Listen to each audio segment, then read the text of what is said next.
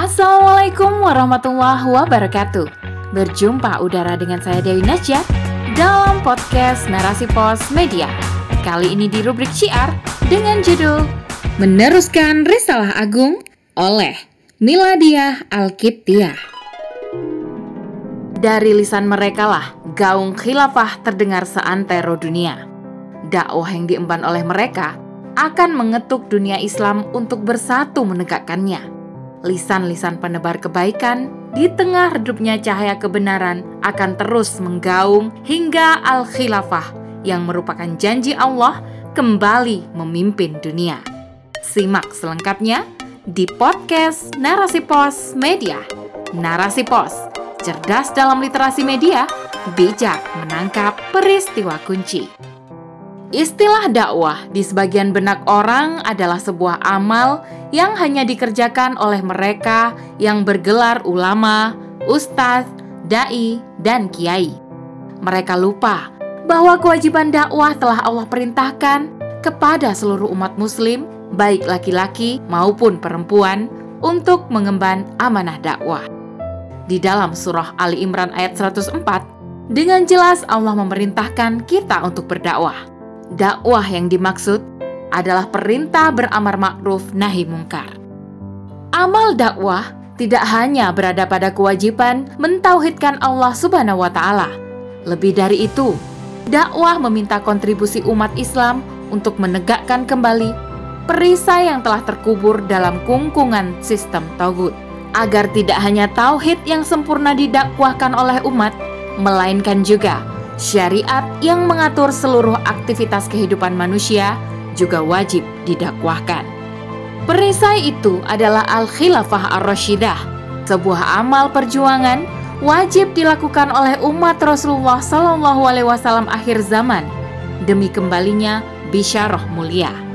Maka mendakwahkan tegaknya khilafah adalah wajib atau fardu sampai ia benar-benar tegak di muka bumi. Umat Muhammad harus punya visi yang tegas untuk melanjutkan kehidupan Islam. Melanjutkan kehidupan Islam tidak bisa dilakukan seorang diri. Maka, keberadaan kelompok atau jemaah dakwah adalah perkara wajib sampai kehidupan Islam menyelimuti alam. Kelompok atau jemaah dakwah inilah yang wajib menyeru kepada kebaikan, yaitu masuk ke dalam Islam secara kafah dan mencegah orang-orang berbuat kemungkaran yaitu mengambil hukum selain daripada hukum Islam. Rasulullah bersabda dalam hadis riwayat Ahmad, "Demi zat yang jiwaku berada di tangannya, sungguh kalian menyeru berbuat ma'ruf dan mencegah dari yang mungkar atau hampir-hampir Allah menimpakan terhadap kalian sanksi dari sisinya, lalu berdoa kalian kepadanya dan Allah enggan menjawab doa kalian." Dari hadis di atas, tampak jelas bahwa dakwah menyeru kebaikan dan mencegah kemungkaran adalah wajib hukumnya.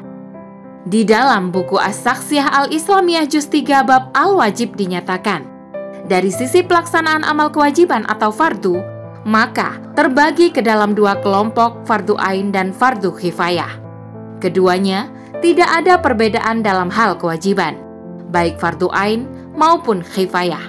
Masing-masing adalah tuntutan untuk mengerjakan amalan dakwah sebagai tuntutan yang tegas. Keduanya hanya berbeda dari sisi individu atau kelompok.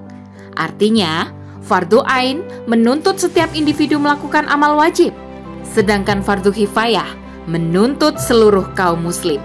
Apabila telah terpenuhi kecukupan pelaksanaannya, maka kewajiban atau al-fardu itu telah eksis atau terwujud baik tiap orang dari mereka yang melakukannya atau hanya sebagian saja.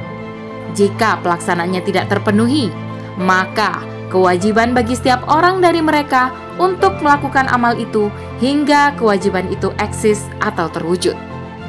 Dalam buku As-Saksiyah Al-Islamiyah Juz 2 dinyatakan penegakan hukum-hukum Islam dan mengemban dakwah Islam hingga khilafah eksis atau terwujud adalah kewajiban bagi kaum muslim di mana tidak ada subhat dalam ketetapan perkara ini. Perkara ini telah ada di dalam nas-nas syarak yang sahih.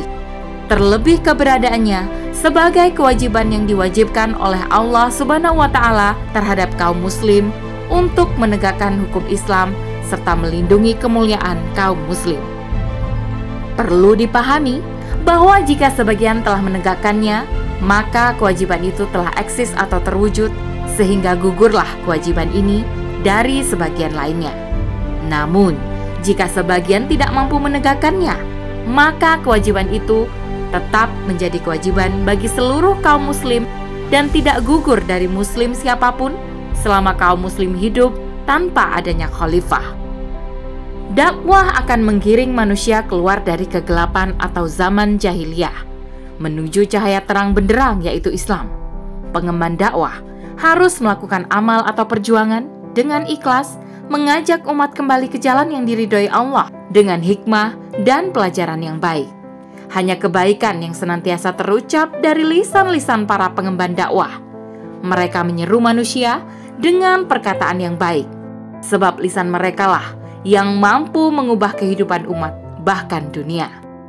Allah Subhanahu wa Ta'ala berfirman, "Serulah manusia kepada jalan Tuhanmu dengan hikmah dan pelajaran yang baik, serta bantahlah mereka dengan cara yang baik."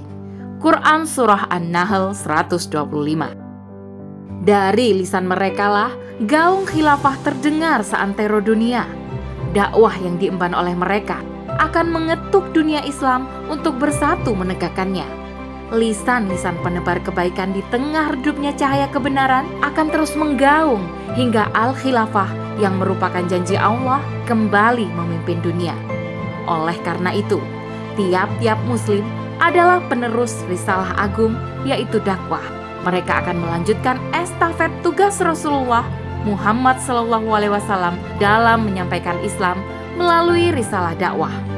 Allah Subhanahu wa taala dan rasulnya tidak segan-segan memberikan pujian bagi para pengemban dakwah yang meneruskan risalah dakwah Islam. Imam Hasan Al-Basri menyebut sesiapa yang menyeru manusia ke jalan Allah, mereka itu adalah kekasih Allah, wali Allah, dan pilihan Allah. Inilah pujian bagi mereka yang ikhlas menjalankan amanah dakwah. Mereka itu adalah golongan penghuni bumi yang sangat dicintai Allah sebab dakwah ilah al-haq jangan pernah terbesit di dalam dada untuk meninggalkan tugas mulia dari penyampai risalah awal, yakni baginda Rasulullah Sallallahu Alaihi Wasallam. Sebab melalui dakwah inilah umat akan kembali pada kedudukan yang mulia.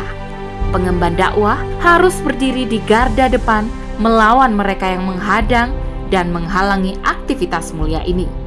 Mengemban dakwah adalah perbuatan yang dicintai oleh Allah Subhanahu wa taala dan Rasulullah Shallallahu alaihi wasallam. Bahkan Allah Subhanahu wa taala menjanjikan syurga bagi mereka yang syahid di jalan dakwah. Tetaplah di jalan dakwah, yakni jalan keimanan dan keislaman. Jalan hidup para pejuang tangguh dan militan yang tidak gentar terhadap ancaman musuh.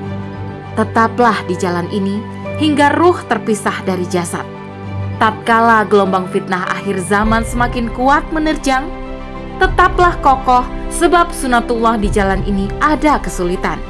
Namun, tak segan jua ada kemudahan dari Sang Pencipta. Keikhlasan dalam mengemban amanah dakwah akan menawarkan begitu banyak kemanisan hidup.